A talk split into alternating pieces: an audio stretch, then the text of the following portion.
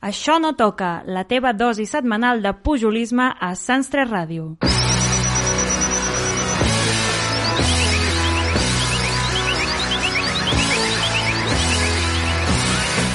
Molt bon diumenge a tots i benvinguts a l'Això no toca.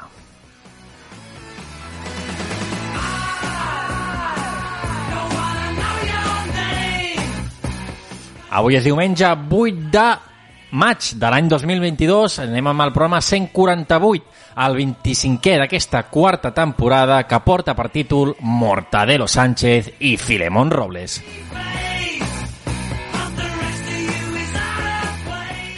I aquí dos dels presents que venim amb ressaca. David, molt bon dia.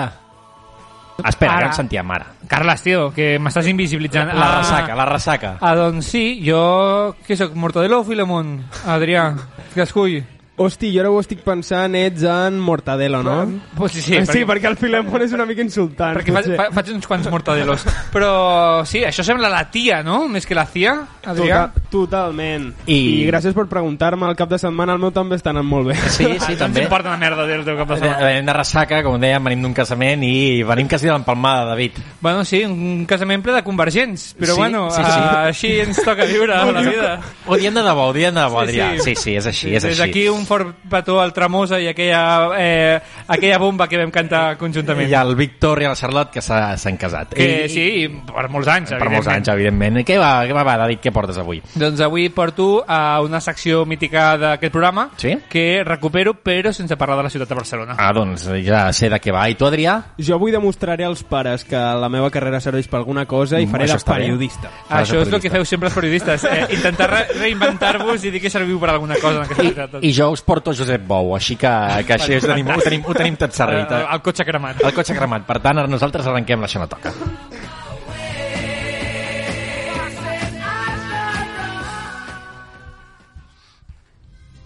Tenim Twitter, Facebook, iVox, Spotify i mil merdes més. I encara no ens segueixes.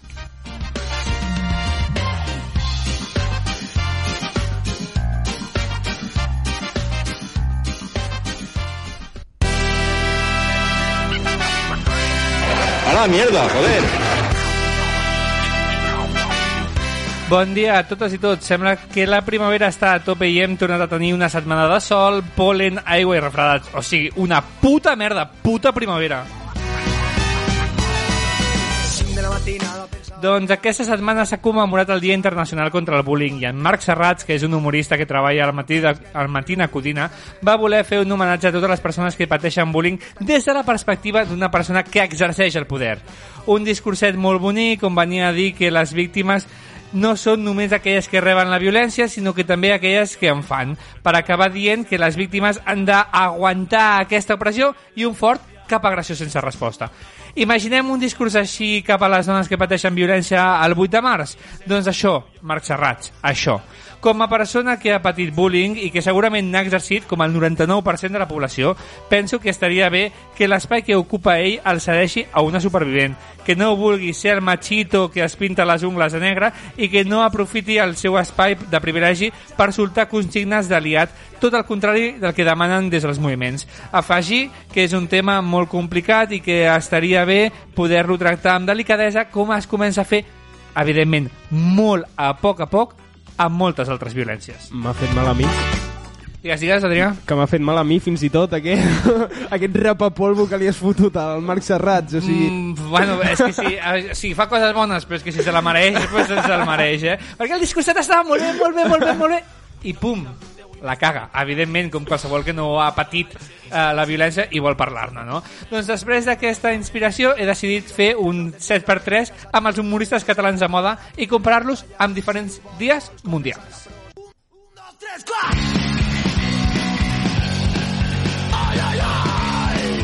El 7x3 de l'Això no toca. Marc Serrats. 10 de febrer, Dia Mundial dels Llegums. És un plat que infla moltíssim, però després no atipa gaire. És molt bon per acompanyar altres plats, però sol és avorridíssim. Algun dia esperem que properament faci un pet gros i la gent se n'adoni que fa molta pudor, realment. Esperem que, malgrat les seves contradiccions, acabi trobant el camí de l'alta cuina. Anna Polo. 12 d'abril, Dia Internacional dels Vols Espacials Tripulats. Té el cervell molt ben comandat, porta anys i panys fent molta activitat física per preparar-se i ha fet callo. Ha estat acompanyada d'astronautes mediocres la segona hora, però ha tingut companys molt bons. No té metes en política. Ha d'acabar d'aixecar el vol amb altres formats, ja que se la veu còmoda a l'Estació Espacial Internacional quan podria estar camí a Mart. Facu Díaz. Segona setmana de maig, Dia Internacional dels Ocells Migratoris. Va decidir volar lluny quan a Catalunya seguien fent cas de les catalanets, que sempre fan molta jaja, molta jiji, molta gracieta, però que no molesten. Un maestre en l'art del xascarrillo que li dona mil voltes a d'altres pàjaros amb més experiència. En la maestria de ser d'esquerres, tenir molt sentit de l'humor i no ser un pretensiós. Esperem que algun dia torni aquí a casa nostra eh, a fer humor i en català, que a casa també t'estimem. La Sotana. Sí, el 5, que si no se'ns fa etern. 4 de maig, Dia Internacional dels Boomers. Tothom els reconeix com a imprescindibles i herois de la nostra societat. Podcast autoproduït en català, però se'ls hi ha anat de les mans. Que siguin molt bons amb l'Oceu no significa que acceptem tota la seva merda per les xarxes. Es pensen molt millor del que són. Són els putos amos, però una mica cansinos. Oye Sherman. 21 de juny, Dia Internacional del Yoga, una activitat que hauria de ser eh, que hauria de fer tothom, però que eh, és molt i molt i molt selecta. Ha aprofitat molt bé la seva oportunitat per ser mestre iogui molt i molt jove, cosa que no tothom s'hagués atrevit. Les seves habilitats per doblegar la llengua i utilitzar estiraments sintàctics són brutals. Tot i això, és eh, apta, no és apta per tothom i això la fa ser un pèl desconeguda. Charlie P. 20 d'octubre, però cada 5 anys, Dia Internacional de l'Estadística. Apareix molt poc, però sempre està de fons. Ha participat en nodrir molts programes, tot i no estar a primera fila. Majoritàriament en llengua estrangera ha tornat quan s'ha establert i ha apostat per l'humor en català. És un humor més apte per dades amb una desviació típica forta que per mitjanes i modes. Veurem si acaba encertant o l'ha produït el CEO. Barcelona fa pudor. Thomas Fuentes. Doncs és el 5 de novembre, Dia Mundial sobre la conscienciació dels tsunamis. Tot el que ha tocat s'ha convertit en una cosa molt potent des de l'inici. Sempre ho inunda tot i està per tot arreu. Controla des de les profunditats de l'underground fins a la capa superficial del mainstream. Tendeix a matar tot humà que no neda en el seu humor. Doncs fins aquí aquest 7x3 d'avui. Sempre cal recuperar aquesta secció, encara que no parlem de Barcelona, eh, nois? Avui no dic res de drogues perquè ja sabem que és transversal en tota l'explicació. Totalment. Espero que si algun dia s'escolta a algun d'aquests humoristes d'aquesta secció, sàpiga que és un honor tenir aquesta gent entre nosaltres i ho he fet com un pur homenatge. Menja tu, Serrat. Eh, vosaltres, quin és el vostre humorista preferit, eh? Doncs dels que has citat, crec que em quedo amb la Sotana. Jo amb en Tomàs Fuentes. Jo crec que em quedo amb, amb, amb la Sherman. Per mi és, és, és extraordinari el que fa. Per cert, Dia Mundial dels Bombers, no Dia Mundial dels Boomers, Ah, hosti, que no sabem que algun dia hi haurà Dia Mundial dels Boomers, però encara no. Queda, queda, no, no quedarà és que gaire, sobre eh? vist la sotana i he dit, buah, segurament ha posat boomers. Dia Mundial dels Boomers. Lo, dels, lo del Blue Monday s'acabarà transformant en, en Dia Mundial dels Boomers. Hosti. Però bueno, fins Increïble. aquí homenatge i Marc Serrat, si us plau, rectificar, que és de savis.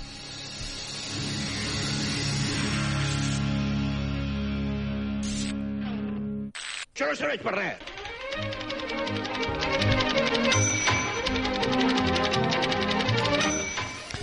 Doncs eh, abans d'anar amb el nostre estimat Josep Bou i Vila, que ja l'hem anunciat abans, un dels protagonistes... I Vila, i Bou! I Bou, i no me'n recordo els altres cognoms, un dels protagonistes de la setmana, anem amb Ayuso, que crec que fa un parell de setmanes que no sortia i sé que els de l'altra banda que esteu a l'estudi l'estàveu esperant.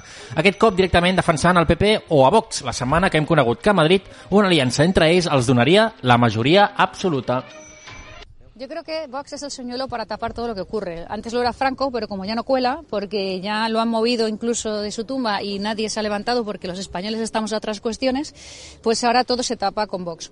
Pase lo que pase, Vox es el señuelo. ¿Por qué? Porque hay muchos políticos en este país que no tienen nada que proponer. Y como no son capaces de llamar a los ciudadanos a las urnas con propuestas en positivo y con cifras, lo que tienen que hacer es promover instintos. Crean odios contra partidos políticos, por ejemplo Vox o el Partido Popular, y decir, vótame a mí porque estos son odiosos. Promueven el odio entre españoles para justificarse en las urnas. Pero lo hacen los que están pactando con ETA en las mismas o con los nacionalistas y con todos aquellos que abiertamente son enemigos declarados de España.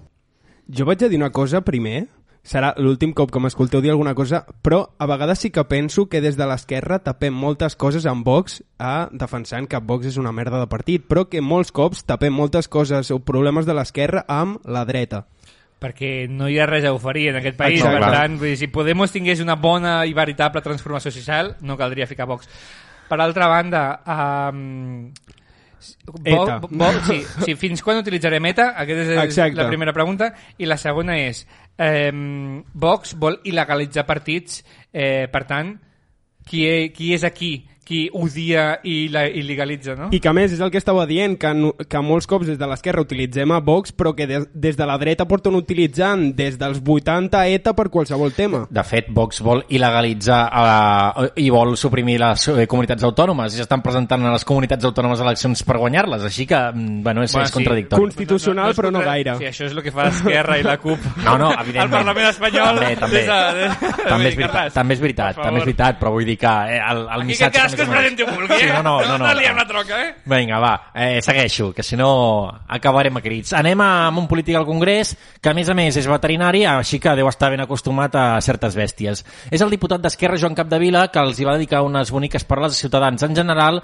i, sobretot, el diputat Miguel Ángel Gutiérrez, a veure què, què li va dir. Eh, Este diputado no tiene costumbre de contestar alusiones, pero el largo, lo largo que se me está haciendo el epitafio de Ciudadanos me obliga a recordarle al señor Gutiérrez aquellos versos de aquel verso de Machado en Campos de Castilla. Castilla miserable, ayer dominadora, envuelta en tus harapos, desprecias cuanto ignoras. Jo recomano sobretot veure el, el vídeo, eh, el podeu buscar en el Twitter de, d'aquest, de, del diputat Joan Capdevila, perquè darrere té Vox i al·lucinen amb la, quan diu això de l'epitafio de A veure, Ciudadanos s'ha flipat una mica, a, a, vull dir. flipa, flipen bastant que, que vagi contra ells, però bé uh, Recordem que no fa gaire l'epitafi d'Esquerra també era, era heavy, eh? En Sí, el sí. Parlament espanyol. sí, sí, és, és, però també és veritat que en Ciutadans anava a nivell espanyol Sí, sí. ha votat tota la gent a Espanya i, Esquerra no per defensar-la, però només ha votat a Catalunya I, i tant de bo desaparegui, eh? Vull dir, no seré aquí jo el No, defensor no, no, no, no, ciutadans. crec que no el defensarem, ni, no el defensarem ningú. Vinga, va, joves periodistes i politòlegs. Això per anar per tu, Adrià, sobretot per periodistes, que teniu interès per la política o la comunicació política. Aquest fragment, sí, va cap a vosaltres. Si voleu Com saber Pol. què és un missatge absolutament demagògic i de propaganda barata, aquest pot ser un molt bon exemple. Macarena Olona, el passat 1 de maig, en un míting a Andalusia. Soy la candidata del pueblo. Soy la candidata de Andalucía y para todos los andaluces. Las élites hoy no están aquí.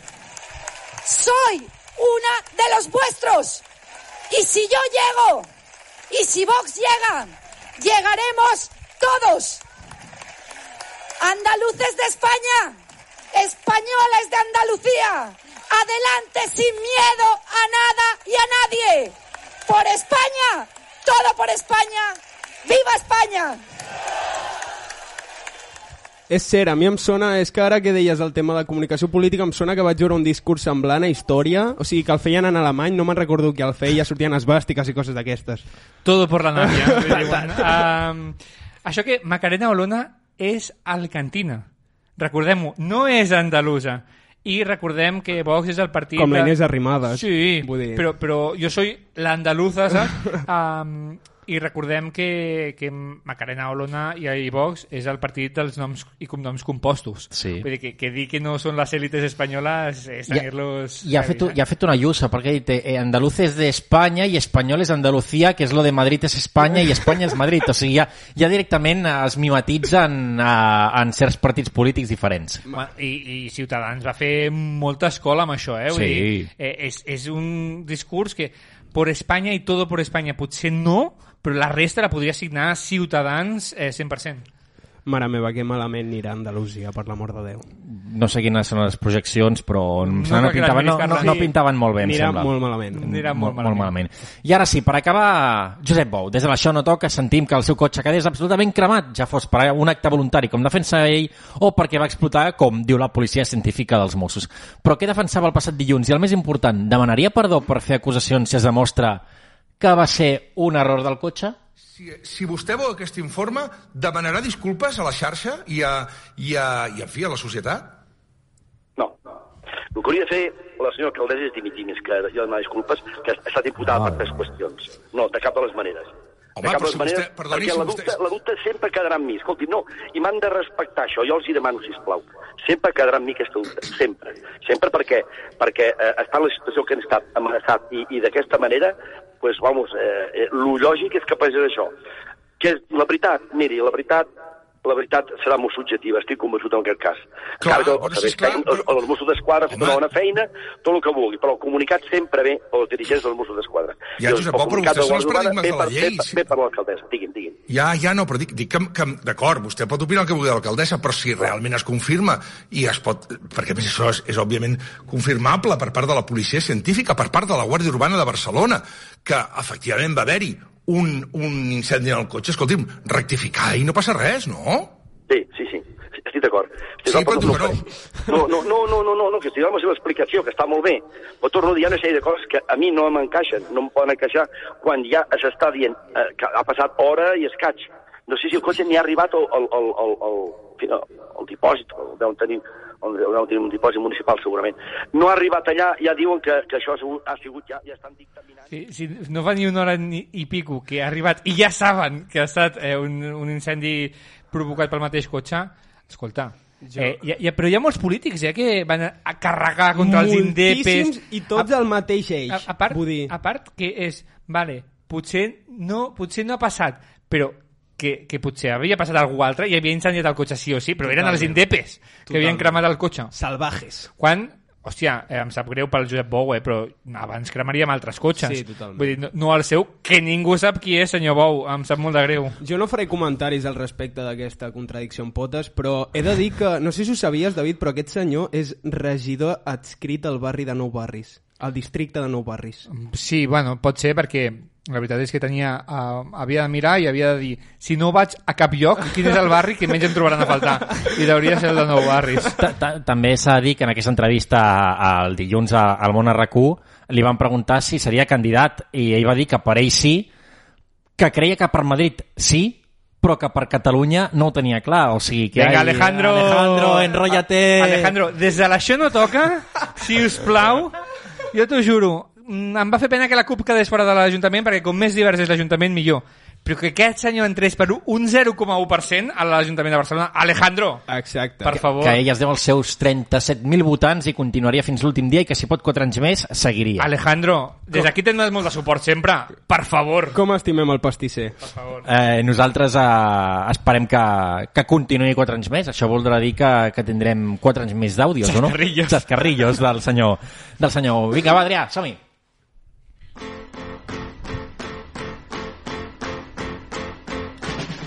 L'això no toca pot ser perjudicial per les seves orelles. Llegeixi les instruccions abans de consumir-lo o pregunti al seu politòleg de referència.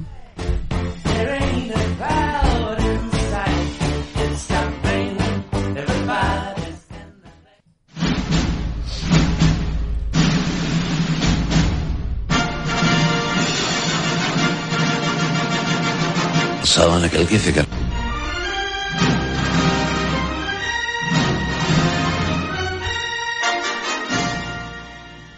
Doncs molt bon matí de diumenge, estimats, estimades persones que ens escolten diumenge rere diumenge sense esperar cap novetat, cap primícia, però que saben que no els decebrem perquè és complicat decebre algú que no espera res.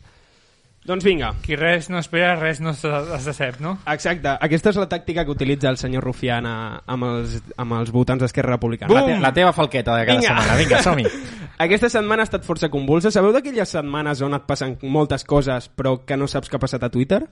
A, a veure, Adrià. Doncs tot el contrari, exactament, A- tot el per- contrari. La tu meva setmana és tot el contrari. Mires el Twitter i no agafes el telèfon. Això ho tenim clar. Tot el contrari. M'he llogat un piset... O sigui, això ho he posat de manera poètica, m'he llogat un piset amb vistes al classisme de la Montserrat de Maison, als milers de properes onades d'en mitjà, a les bromes del Ringo Starr de Girona, Ah, perquè no sé ah, si vau veure la que va fer l'altre dia. No ho sé, a.k.a. Carles Puigdemont, no? Per, per posar en context a tothom. Exacte, va fer un intent d'acudit on va posar poesia visual, que és, és una meravella. Ah, perdona, i que no seguirà com a president de Junts, que ja ho ha Ah, dit. exacte. Ja ho ha dit, ja ho ha dit.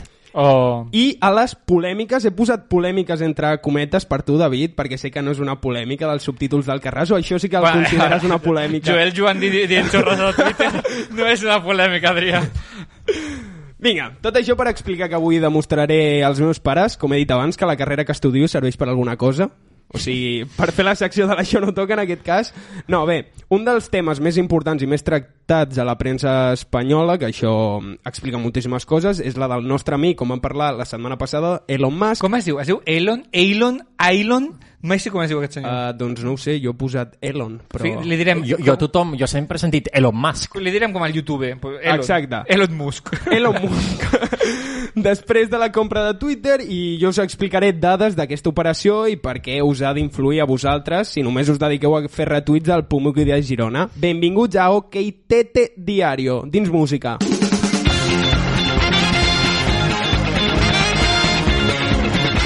La música de Conan ja és uh, un indicatiu de la secció, eh, Adrià? Pa- Perdó per gent com jo, qui és Pumuqui de Girona? No, no sabeu quin personatge és Pumuqui? No. Adrià, et portem 10 anys. No, al revés. No, puta és que idea. crec que és de l'època dels meus pares. Uf, pues encara pitjor. Encara pitjor. Després us ho ensenyo. Va, per la gent que no, que busqui a Google. Tot teu. Vinga, eh, bé, com us he dit abans, m'he posat la gabardina i porto una llibreta petita i un llapis de l'IKEA a la mà. He dit un llapis de l'IKEA perquè el membre d'un expresident del Barça és ja a nivell expert. Aquest acudit porta nom i cognom, eh?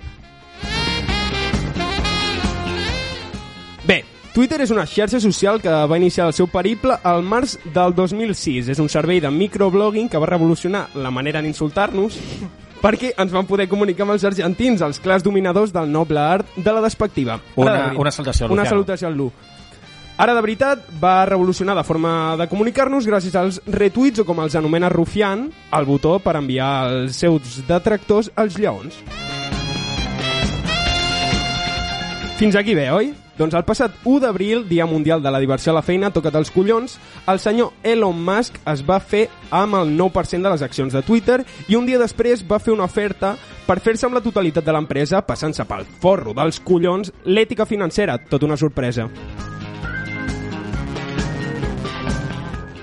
Bé, doncs el 25 de març el Tito Musk es va apoderar de totes les accions de l'empresa per un valor de 41.000 milions d'euros. O sigui, em sembla insultant que una persona tingui tants diners i la pobreta Ayuso hagi d'estafar tota una comunitat per donar-li al seu germà només 230.000 euros. Suposadament. Suposadament, sempre. Vinga, jo després de llegir tot això vaig pensar, o sigui, el que estarà pensant la gent a casa que és aquest paio té tants diners? Doncs sembla broma, però l'empresari australià té molts, molts, molts, la mare que em va parir molts diners. La compra de Twitter només ha simbolitzat la pèrdua del 14,6% de la seva riquesa. Ok, i ara anem amb l'última pregunta, jo trobo que és la més interessant, la més important, i és com ens afecta a nosaltres, els usuaris, aquesta compra? Doncs he dividit la resposta en 5 punts. Comencem. 1. La llibertat d'expressió. L'excusa que utilitzen tots els feixistes eh, i feixistes per poder fer comentaris homòfobs, xenòfobs, etc etc etc. Doncs surt reforçada només dins de la plataforma, perquè si escrius alguna cosa que no toca del rei, Elon, Elon Musk no anirà a declarar a l'Audiència Nacional per tu. 2. Eliminar els vots i crear una validació humana. Aquesta només afecta en xoques, no us amoïneu. 3. Codi obert. Pel que he vist, ara ens posaran un document més llarg que el Codi Penal amb tota la informació respecte al sistema algorítmic algorítmic que empra la plataforma per mostrar-te les piulades i la informació que et pot ser interessant. Espero que li hagin posat dibuixets i il·lustracions, perquè si no... 4. Model de subscripció. A veure, si això t'afecta, ets un imbècil astronòmic. O sigui, qui paga per fer servir Twitter? I 5 missatges oberts encriptats. El tema de la setmana, i és que això vol dir que el servidor de Twitter no, eh, no podrà accedir a les teves converses privades, però tan tranquils que en Pedro Sánchez és un home molt treballador i li estalvia la feina al senyor Musk.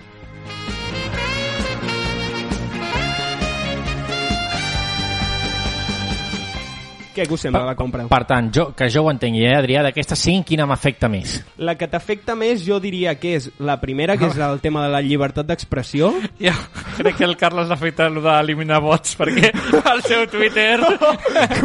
No, bo- bots, bots que sàpiga, a, a, per, a, a percentatge de vots em sembla que no en tinc gaires, comparats amb No, altres no, no, companys. no, perquè no et xapin a tu el compte, Hòstia, Carles. acaba d'explotar aquí en Ah, directe. No, tranqui, tranqui. No, no ho he entès. És igual, no, no Carles, sé per on m'ha vingut la castanya. Després, després t'ho Vale, vale. Um, jo, jo, a mi m'agradaria eh, que la setmana que ve expliquem en què ens podem gastar el 14,6% de la nostra riquesa. Què us sembla? Hosti, eh, O sigui, jo sortirem mi- molt mi- mal parat Mirem eh, els aquí. nostres comptes i Va. diem què ens podem comprar amb el 14,6% de la nostra Hosti, riquesa. sortirem molt mal parat d'aquí. Us sembla bé? Un, un sugus, Adrià? Arribes a un sugus? No, jo crec que... No sé quan és exactament, però... Una té jove?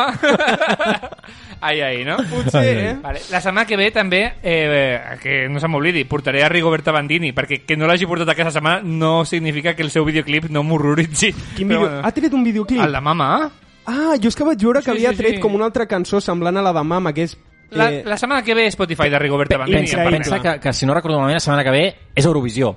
Pues mira, Ostres! encara, Per, encara, per, tant, millor, per tant, vindrem amb el programa, amb el programa carregadet d'Eurovisió. encara millor m'ho posa. Doncs vinga, nosaltres anirem, anirem acabant, que ho podem ja fer, així que, David, eh, esperem la, la Rigoberta i recorda aquests 14,6. A veure, que I a veure- parlo la setmana que ve. Ah, I a veure l'Adrià que, que pot dormir. pagar amb, els 15, per- amb el 15% de la jo seva també us riquesa. estimo els dos, vinga. I nosaltres marxem, eh, tornem la propera setmana a dos quarts de dotze, com sempre, aquí, a Sants 3 Ràdio.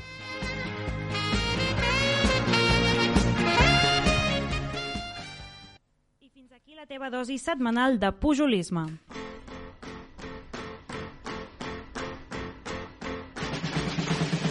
Recorda que pots recuperar els nostres programes a Spotify, eBooks, Apple Podcast o Google Podcast. When